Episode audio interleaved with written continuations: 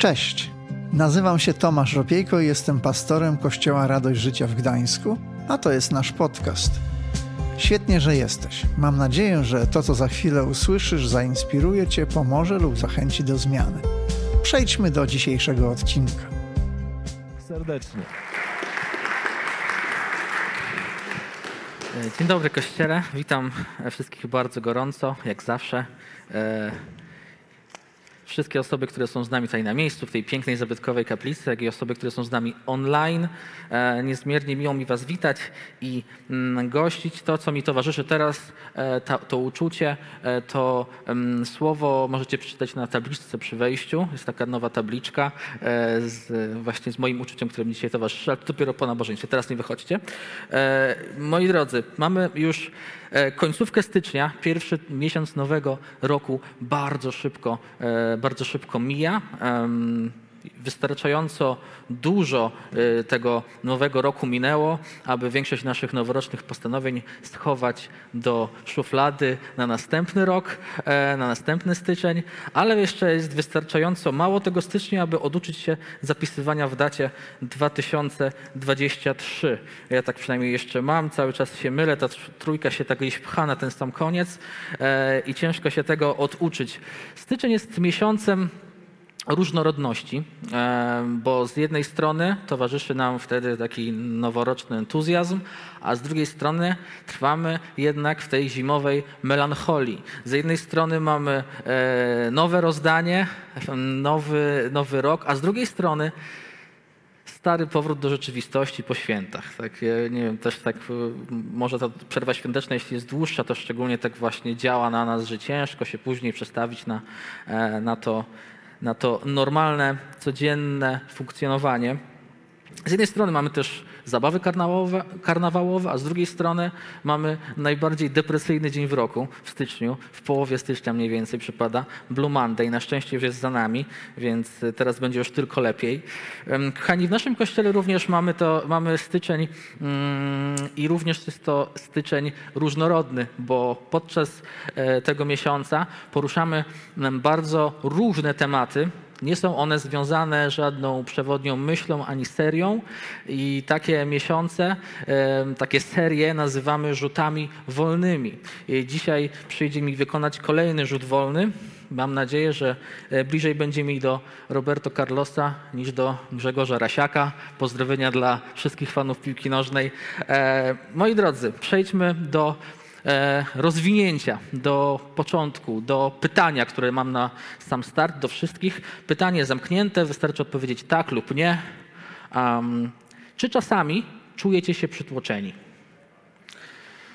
Tak, wszyscy tutaj, prawie wszyscy, nie będę wyrokował, że wszyscy, ale większość z Was e, udzieliła odpowiedzi twierdzącej. Jeśli odpowiedziałeś nie, nie słyszałem, ale jeśli tak odpowiedziałeś, może zrobiłeś to bardzo cicho albo w myślach, to muszę przyznać, że podziwiam.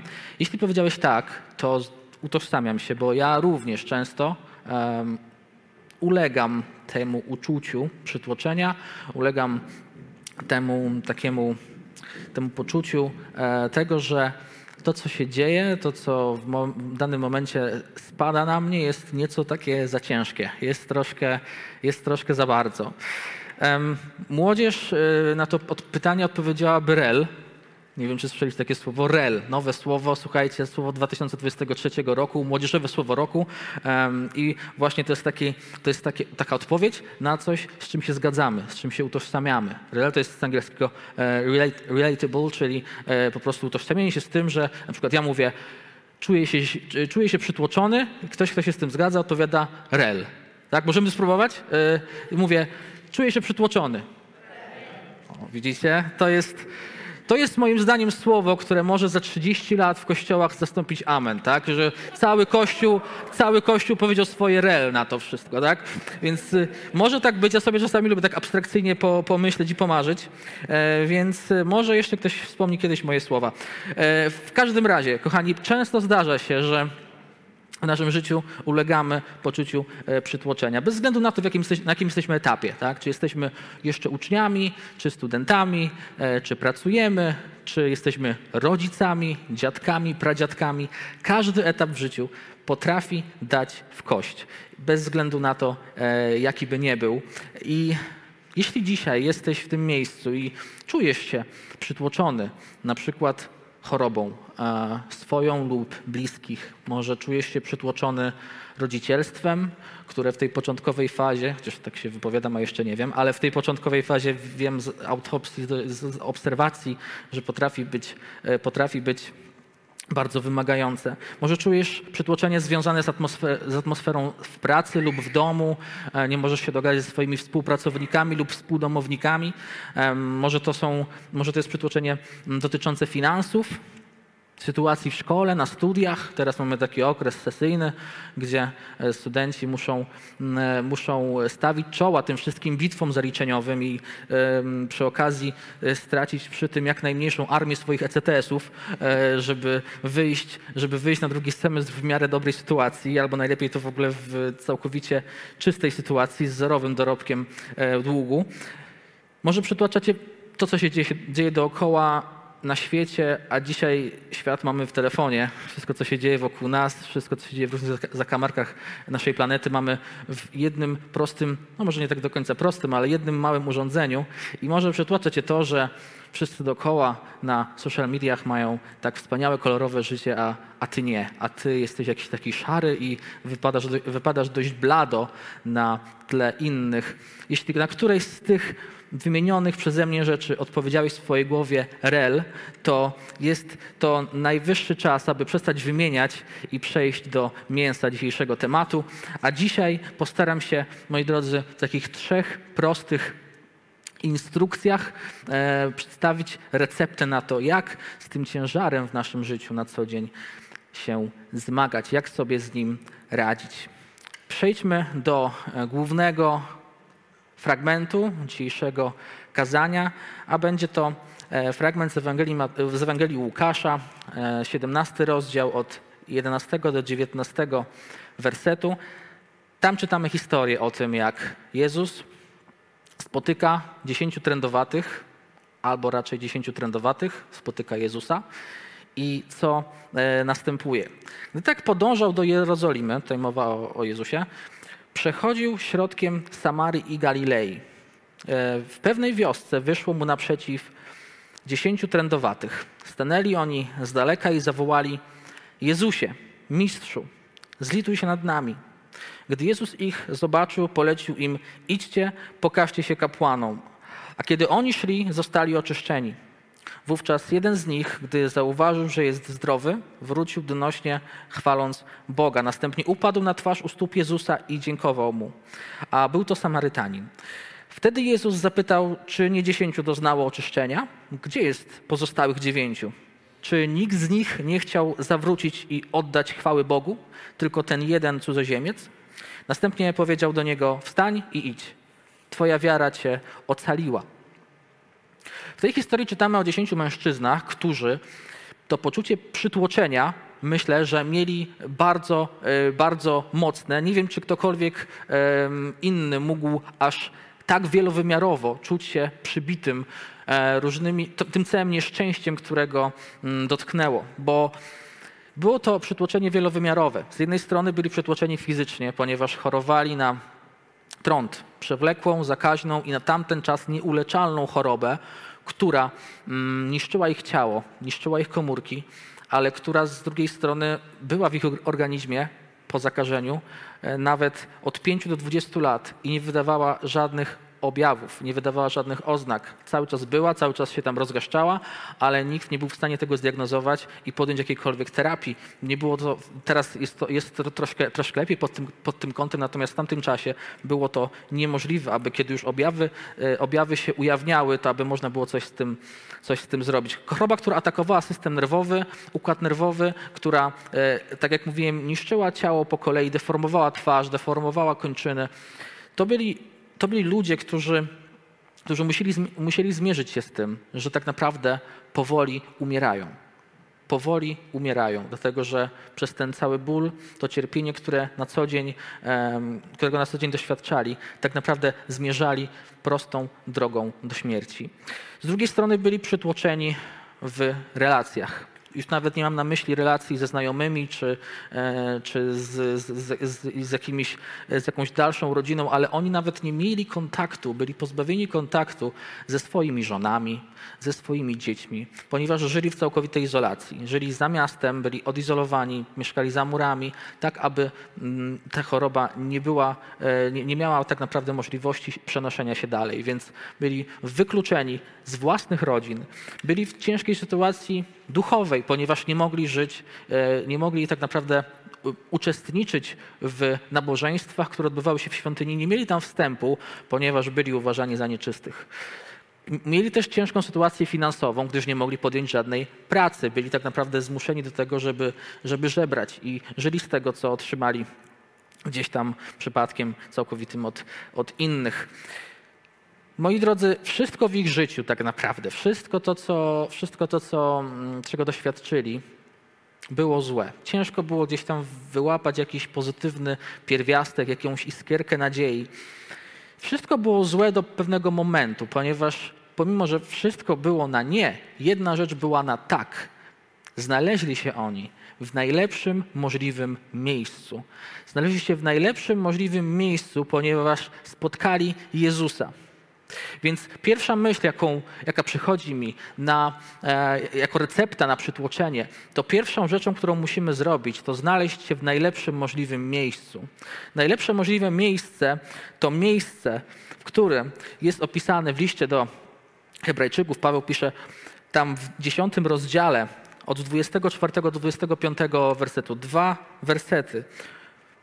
Okazujmy staranie jedni o drugich by pobudzać się do miłości i dobrych uczynków, nie opuszczając naszego wspólnego zgromadzenia.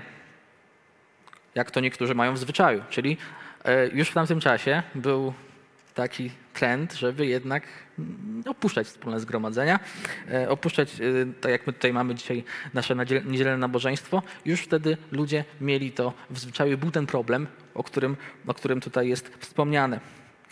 I tym bardziej, im, im bardziej widzicie, że zbliża się ten dzień, czyli dzień ponownego przyjścia Chrystusa.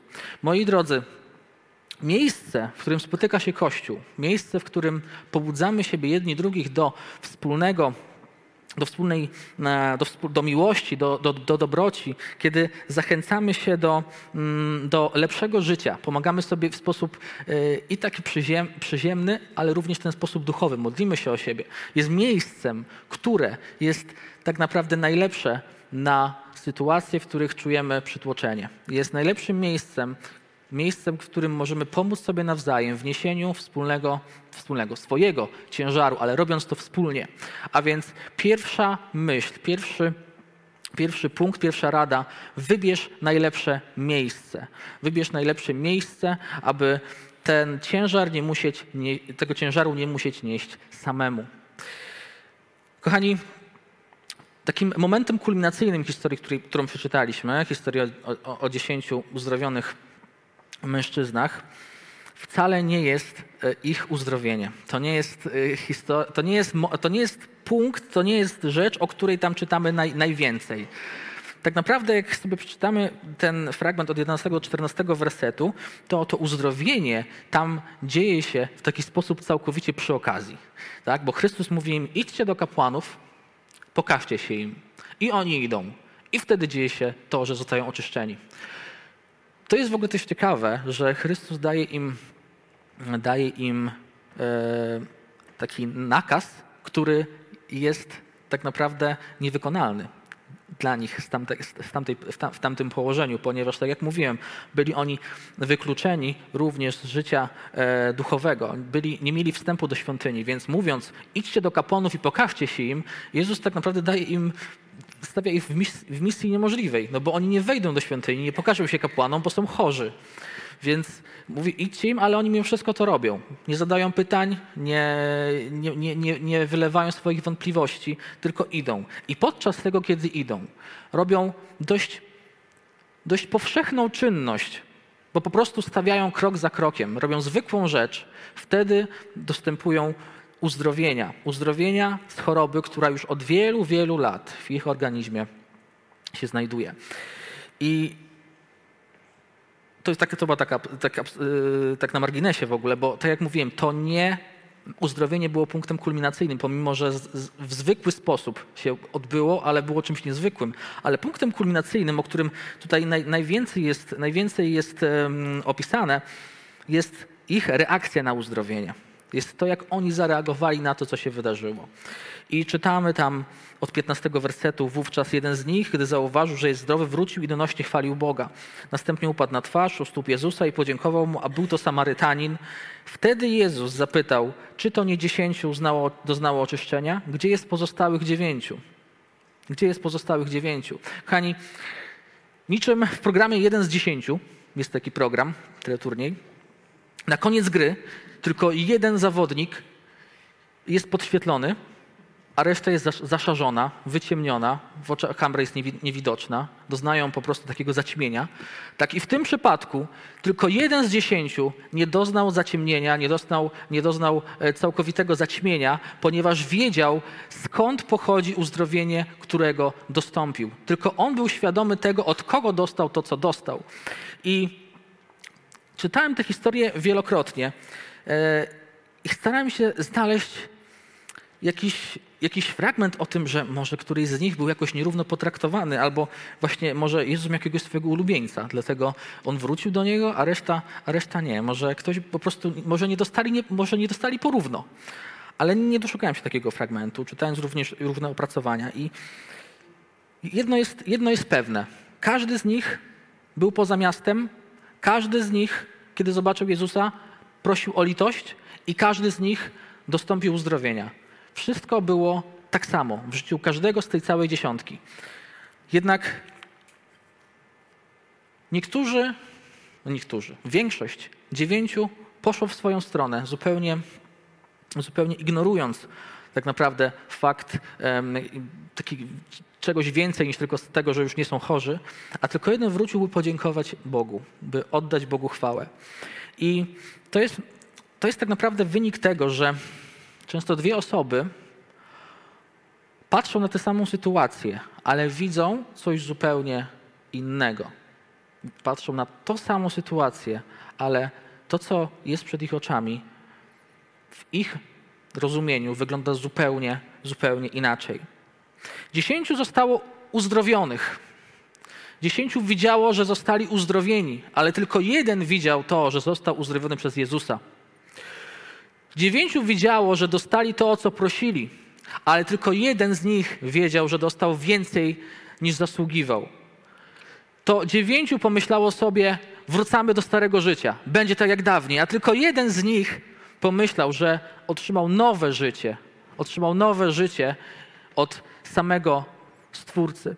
I moi drodzy, jest to coś niesamowitego, jak ważną rzeczą w naszym życiu, jak ważną rzecz w naszym życiu stanowi perspektywa. Perspektywa. Jest taka historia, biografia w zasadzie, krótka biografia, to streszczę jak, naj, jak, najbardziej tylko się da. Pewnego rosyjskiego pisarza, który tworzył w tamtym wieku. Był to laureat Nagrody Nobla. E, w 1970 roku otrzymał literacką Nagrodę Nobla.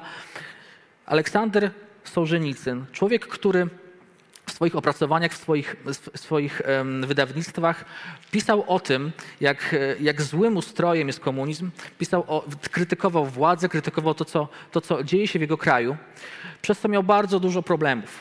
Między innymi podczas gdy, podczas gdy przechwycono jego korespondencje, w których krytykował Stalina, e, aresztowano go i zesłano go do, do łagru pod Moskwą, gdzie przez 8 lat musiał wykonywać ciężką pracę fizyczną. I podczas, tych, podczas tego zesłania um, miał bardzo dużo momentów, w których czuł się przytłoczony, w których czuł się zrezygnowany. Popadł w depresję e, i e, zmagał się z nią do tego stopnia, że już nie chciał żyć dalej. Chciał odebrać sobie życie, co paradoksalnie w obozie pracy przymusowej w Łagrze było niemożliwe, ponieważ przez cały czas był on pod, e, pod okiem strażników, którzy go pilnowali. Pilnowali, aby dobrze wykonywał swoją pracę, ale z drugiej strony pilnowali, żeby nic sobie nie zrobił, żeby następnego dnia dalej mógł wykonywać swoją pracę. Wobec tego wpadł na taki pomysł, że on po prostu się zbuntuje i zamiast zrobić sobie krzywdę, to sprowokuje do tego strażnika. I kiedy miał miejsce kolejny dzień pracy, pracowali, pracowali gdzieś na zewnątrz, kopali doły e, i kopał również on ten dół, przestał to robić. Usiadł na ławce, odłożył swoją łopatę na bok, siedział i czekał, aż strażnik go zauważy, a wtedy, jeśli strażnik zauważy taką, taką niesubordynację jednego z, z więźniów, no to jest, są, są dwie opcje. Albo pobije go bardzo dotkliwie, albo pobije go bardzo dotkliwie ze skutkiem śmiertelnym. Wobec tego ten tak naprawdę czekał na swój los. Miał już dość swojego życia, więc czekał na ławce. I wtedy podszedł do niego drugi współwięzień. Podszedł do niego i nie mówił nic. Jedyne co zrobił, to wziął tą łopatę i narysował nią przed nim znak krzyża. Znak krzyża, wyryty w ziemi. Sołżenicyn siedział sobie tak dalej, patrzył w ten krzyż i im dłużej w niego patrzył, tym bardziej zmieniała się jego perspektywa. Im dłużej patrzył w ten krzyż, tym bardziej zmieniała się jego perspektywa. I w pewnym momencie w końcu wstał i uznał, że on będzie dalej pracował, ponieważ w tym krzyżu zobaczył coś więcej niż tylko cierpienie, którego dotknęło, niż tylko ból, który, którego, którego doświadczał, niż tą chorobę, który, który, której się nabawił przez, to, przez tą sytuację. On widział w tym krzyżu coś więcej, coś, coś większego i mocniejszego nawet niż śmierć, o której w tamtej chwili marzył. Wobec tego postanowił jednak wrócić do pracy. Moi drodzy, perspektywa odgrywa bardzo, bardzo ważną rolę w naszym życiu, ponieważ to, gdzie się znajdujemy, decyduje o tym, co widzimy. Kiedy znajdujemy się na plaży, to nie sposób, abyśmy nie zobaczyli wody. Kiedy znajdujemy się w lesie, to nie sposób, abyśmy nie zobaczyli drzew. Kiedy znajdujemy się przy krzyżu, to nie sposób, abyśmy nie zauważyli tej mocy, tej mocy, w tym symbolu, mocy w Jezusie Chrystusie, który na, właśnie na tym krzyżu przezwyciężył śmierć. Więc, moi drodzy, najlepsza perspektywa to jest drugi punkt, który powinniśmy sobie zapisać, który, którego powinniśmy się trzymać, który w momencie naszych prób, naszego przytłoczenia codziennością jest czymś, co z tego przytłoczenia jest w stanie nas wyciągnąć. Najlepsza perspektywa, najlepszą perspektywą jest być blisko Chrystusa, ponieważ będąc blisko Niego, nie sposób, abyśmy nie zobaczyli Jego potężnej mocy i tego wszystkiego, czym na co dzień nas obdarza. Wybraliśmy już najlepsze miejsce. I mało tego, to najlepsze miejsce jest tutaj właśnie w tym miejscu, więc każdy z nas, kto dzisiaj jest tutaj z nami, e, pierwszy raz, któryś raz, albo chodzi, jest tutaj z nami regularnie od wielu lat, wybrał najlepsze miejsce.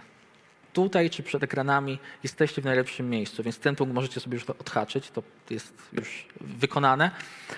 Wybraliśmy też najlepszą perspektywę, właściwie określiliśmy, jaka ona powinna być. Najlepsza perspektywa to perspektywa Chrystusa. A teraz przyszedł czas na ostatni punkt, a mianowicie wybierzmy najlepsze priorytety. Najlepsze priorytety.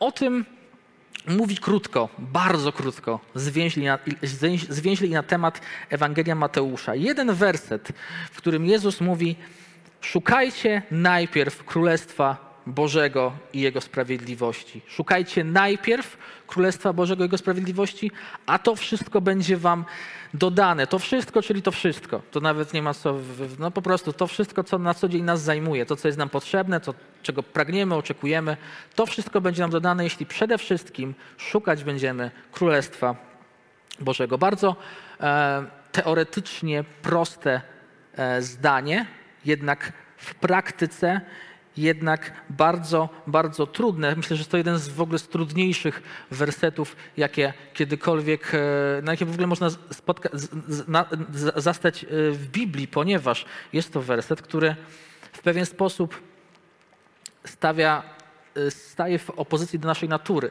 Jednak ludzie wolą mieć wszystko, wszystko, wszystko poukładane w życiu, e, wolą mieć to poczucie bezpieczeństwa, wiedzieć, co się stanie za chwilę, wiedzieć, co się stanie, kiedy zrobią coś, jaka będzie reakcja na akcję. A ten werset niejako sprawia, że powinniśmy się tej naszej kontroli wyzbywać. Czy zdarzy Wam się czasami e, gdybać? Czy, czy, czy, czy, wpadacie w tak zwany gdybizm, e, czyli a gdyby na przykład, gdybym miał więcej czasu, Tak, gdybym miał więcej czasu, to moje priorytety byłyby inne. To, to wtedy faktycznie bym spędzał więcej czasu z Bogiem, mm, więcej czasu na modlitwę, na, na, na poznawanie Go, na relacje z Nim. Natomiast mam trochę za mało czasu, więc nie będę tego robił. Tak? Nie, nie będę aż tak bardzo na to nastawał, ponieważ po prostu nie mam kiedy. Nie mam kiedy. Albo gdybym, gdybym miał więcej finansów, to, to wtedy bym się bardziej angażował w jakieś akcje, więcej bym dawał, więcej bym, bym, bym pomagał innym, albo po prostu więcej łożyłbym na kościół jego potrzeby, ale nie mam, więc nie będę tego robił. No bo, bo, bo, bo, nie mam takiej możliwości. Albo gdybym miał więcej predyspozycji do czegoś, większe predyspozycje do czegoś, gdybym potrafił to, tamto, nie wiem, miał więcej talentów, to wtedy bym służył Bogu, wtedy bym się udzielał, a tak, to nie będę się udzielał, bo nie mam. I tak cały czas, a gdybym, a gdybym, a gdybym. Ja niestety też wpadam w ten gdybizm. Mówię to, przyznaję się, bez bicia, ale prawda jest taka, że za każdym razem, kiedy wpadamy w gdybizm dotyczący Boga, to tak jakbyśmy mówili mu: Boże, kocham Cię, ale. Kocham Cię, ale. I w tym wszystkim to ale tak naprawdę ma największe znaczenie. Ponieważ ale stanowi taką granicę. Wszystko, co jest przed ale, jest mniej ważne od tego, co jest po ale. Więc mówiąc, Boże, kocham Cię, ale, gdybym, ale, gdybym, ale, gdybym, bardziej skupiamy się na tym gdybym niż na tym kocham Cię. Więc kiedy wpadamy w gdybizm, tak naprawdę to nie jest problem naszych, naszych, naszego czasu, to nie jest problem naszych możliwości, czy finansów, czy czegokolwiek innego. Kiedy wpadamy w gdybizm, to problem polega tylko i wyłącznie na źle poukładanych priorytetach. Jest taka jest taka historia, która mm, w pewien sposób, na którą, się, na, którą natrafiłem i, i mówi o tym, z czego to może wynikać, z czego może wynikać ten problem właśnie z naszymi e, priorytetami. Jest to historia e, równie nie, niezbyt wesoła, tak jak w przypadku tego pisarza e, ponieważ jest to, jest to historia o e, szpiegu, który został pojmany przez generała armii perskiej i skazany na śmierć. I jest, ten generał miał taki bardzo dziwny zwyczaj, dziwny jak na generałów i to jeszcze w czasie wojny, ponieważ on swoim, mm, swoim e, wrogom, których, którzy zostali pojmani i wrzuceni do więzienia, dawał wybór przed wykonaniem wyroku, którym była śmierć, dawał im wybór. Wybór polegał na tym, że albo poddajesz się plutonowi egzekucyjnemu, albo przechodzisz przez czarne drzwi. Albo pluton egzekucyjny, albo czarne drzwi. Masz wybór, możesz wybrać jedną z tych dwóch opcji. Kiedy, kiedy dał możliwość wyboru temu skazańcowi, ten chwilę się zastanawiał i w końcu wybrał jednak pluton egzekucyjny, bo uznał, że tu przynajmniej umrze szybko, niemalże od razu. A za tymi czarnymi drzwiami może, może, może kryć się coś naprawdę strasznego, czego on wolałby uniknąć. I stało się tak, jak wybrał ten skazaniec, po czym generał spotkał się właśnie ze swoim asystentem i, i mówi do niego: Widzisz, właśnie tak jest z ludźmi. Oni wolą wybrać to, co jest im znane, nawet jeśli nie jest najlepszym rozwiązaniem, nawet jeśli prowadzi do śmierci, ponieważ boją się tego, co jest nieokreślone, boją się tego, co jest, co jest niewiadome. Na co ten generał zapytał, ten doradca zapytał, a co się za tymi czarnymi drzwiami, drzwiami kryje? Na co, na co mówi generał, tam kryje się wolność, ale naprawdę znałem niewielu, którzy odważyli się ją wybrać.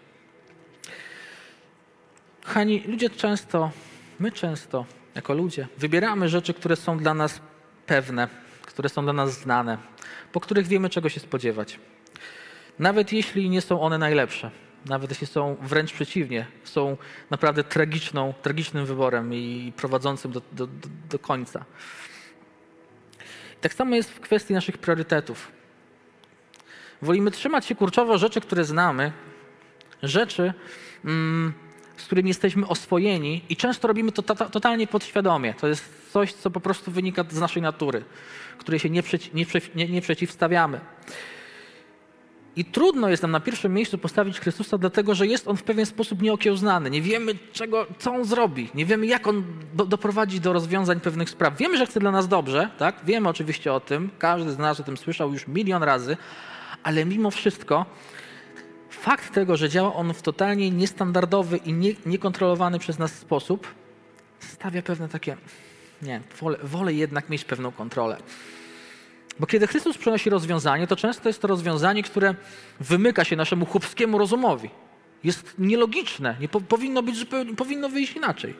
Albo jest to coś, co prowadzi nas do zwycięstwa, ale jednak po wielu, wielu trudach i wielu przeciwnościach. I moglibyśmy pomyśleć, ja bym to zrobił inaczej. Może nie, nie, nie, trzeba byłoby aż tylu doświadczeń, żeby doprowadzić do zwycięstwa, tylko, tylko zrobilibyśmy to, to totalnie po swojemu. Albo kiedy przynosi uzdrowienie, to też robi to w sposób, który nie wiem, jak to on to zrobi. Bo może to zrobić w sposób spektakularny, do czego nas przyzwyczaił w Ewangeliach, ale z drugiej strony może zrobić to w sposób tak zwyczajny, na przykład przez ręce lekarza. To było uzdrowienie, czy to był cud? Nie, no po prostu zostaliśmy wyleczeni. To, to, to nie, tam nie było żadnej ingerencji. Nie? Tam, to, to nas lekarz wyleczył. Chrystus może działać przez różne, w różny sposób, nawet taki, który nam się wychodzi poza nasze wyobrażenie. Stąd niewielu jest odważnych, odważnych na tyle, aby wybrać Chrystusa jako numer jeden w swoich priorytetach, jako numer jeden na szczycie schematu swojego, e, swojej, swoich priorytetów. Ale moi drodzy, tylko jeśli umrzemy sami dla siebie, to tylko wtedy Chrystus może żyć w nas. Tylko kiedy umrzemy sami dla siebie, tylko wtedy Chrystus może w nas zamieszkać. Więc najlepszą rzeczą, najlepszym rozwiązaniem na punkt trzeci, na tą trzecią radę jest to, aby wybrać najlepsze priorytety. A najlepsze priorytety są takie, że nieważne co jest tam niżej, tam sobie możemy dobierać to jak chcemy, ale pierwsze miejsce jest zawsze zarezerwowane dla Boga. Pierwsze miejsce jest zawsze zarezerwowane dla Niego. Zacząłem to kazanie pytaniem. Pytanie brzmiało, czy czujemy się czasami przytłoczeni. I oczywiście większość z nas, a nawet zaryzykuję stwierdzenie, że wszyscy, w jakiś sposób, w jakiejś dziedzinie czują się przytłoczeni. Natomiast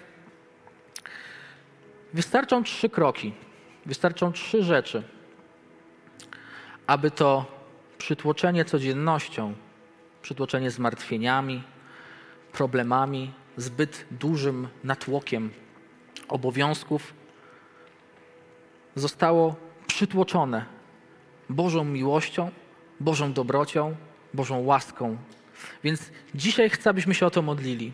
Wykorzystując fakt tego, że znajdujemy się w najlepszym miejscu, chcę, abyśmy modlili się o to, abyśmy również dostąpili najlepszej perspektywy i najlepszych priorytetów, aby, abyśmy potrafili, mieli na tyle siły i odwagi, aby ustalić, ustawić w swoim życiu wszystko tak, jak powinno to wyglądać. Więc zachęcam do tego, abyśmy powstali. Będziemy dzisiaj jeszcze uwielbiać Boga, ale zanim to, myślę, że przed nami bardzo ważna modlitwa.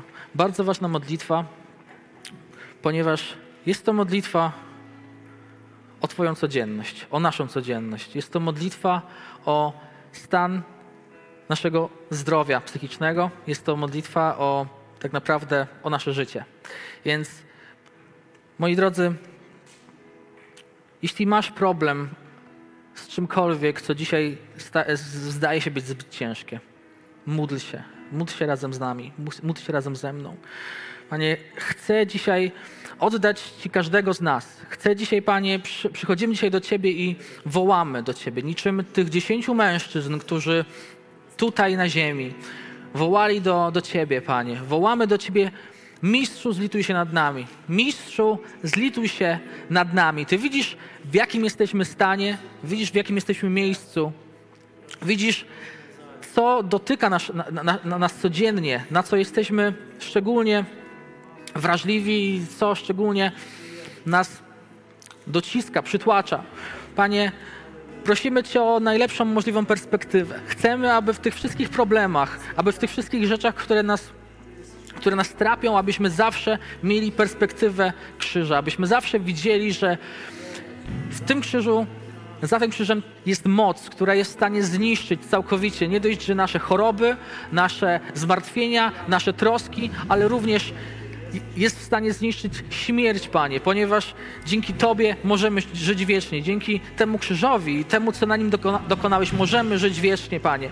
Prosimy Cię o najlepszą perspektywę, bo chcemy widzieć tak, jak Ty widzisz. Daj nam wzrok, który Ty posiadasz. Daj nam słuch, który Ty posiadasz. Chcemy słyszeć to, co Ty słyszysz, Panie. Chcemy móc mówić to, co Ty byś powiedział do innych, Panie. Również chcemy czuć to, co Ty czujesz, Panie. Modlimy się o to, abyś nadał nam swojej perspektywy. Chcemy być, chcemy być całkowicie wpatrzeni w Twoje oblicze, Panie. I proszę Cię również o to, a w zasadzie deklaruję to, że chcę, abyś dzisiaj abyś dzisiaj stanął na pierwszym miejscu w, w, skali moich priorytetów. Chcę, abyś był najważniejszy, abyś był na samej górze. Chcę, Panie, aby wszystko to, co dzieje się w moim życiu, wynikało z tego, że szukam Ciebie i szukam Twojego królestwa, że zależy mi na tym, aby być blisko Ciebie, a cała reszta wynika z tego. Cała reszta jest tylko wynikową tego, że jestem blisko Ciebie, Panie. Wyznaję, że Ty jesteś najważniejszą częścią mojego życia. Ty jesteś najważniejszym celem mojego życia, Panie. Ty jesteś najwyższym punktem mojego życia, Panie. Oddaję Ci całkowicie całego siebie. Oddaję Ci całą chwałę, Panie. Przyjmij ją i bądź z nami każdego dnia. Wielbiamy Cię, Chryste. Amen. Dzięki, że zostałeś z nami do końca. Pamiętaj, że odcinki pojawiają się w każdy poniedziałek o 18. Jeśli chcesz dowiedzieć się o nas więcej, to wejdź na stronę kazetgdańsk.org. Do usłyszenia.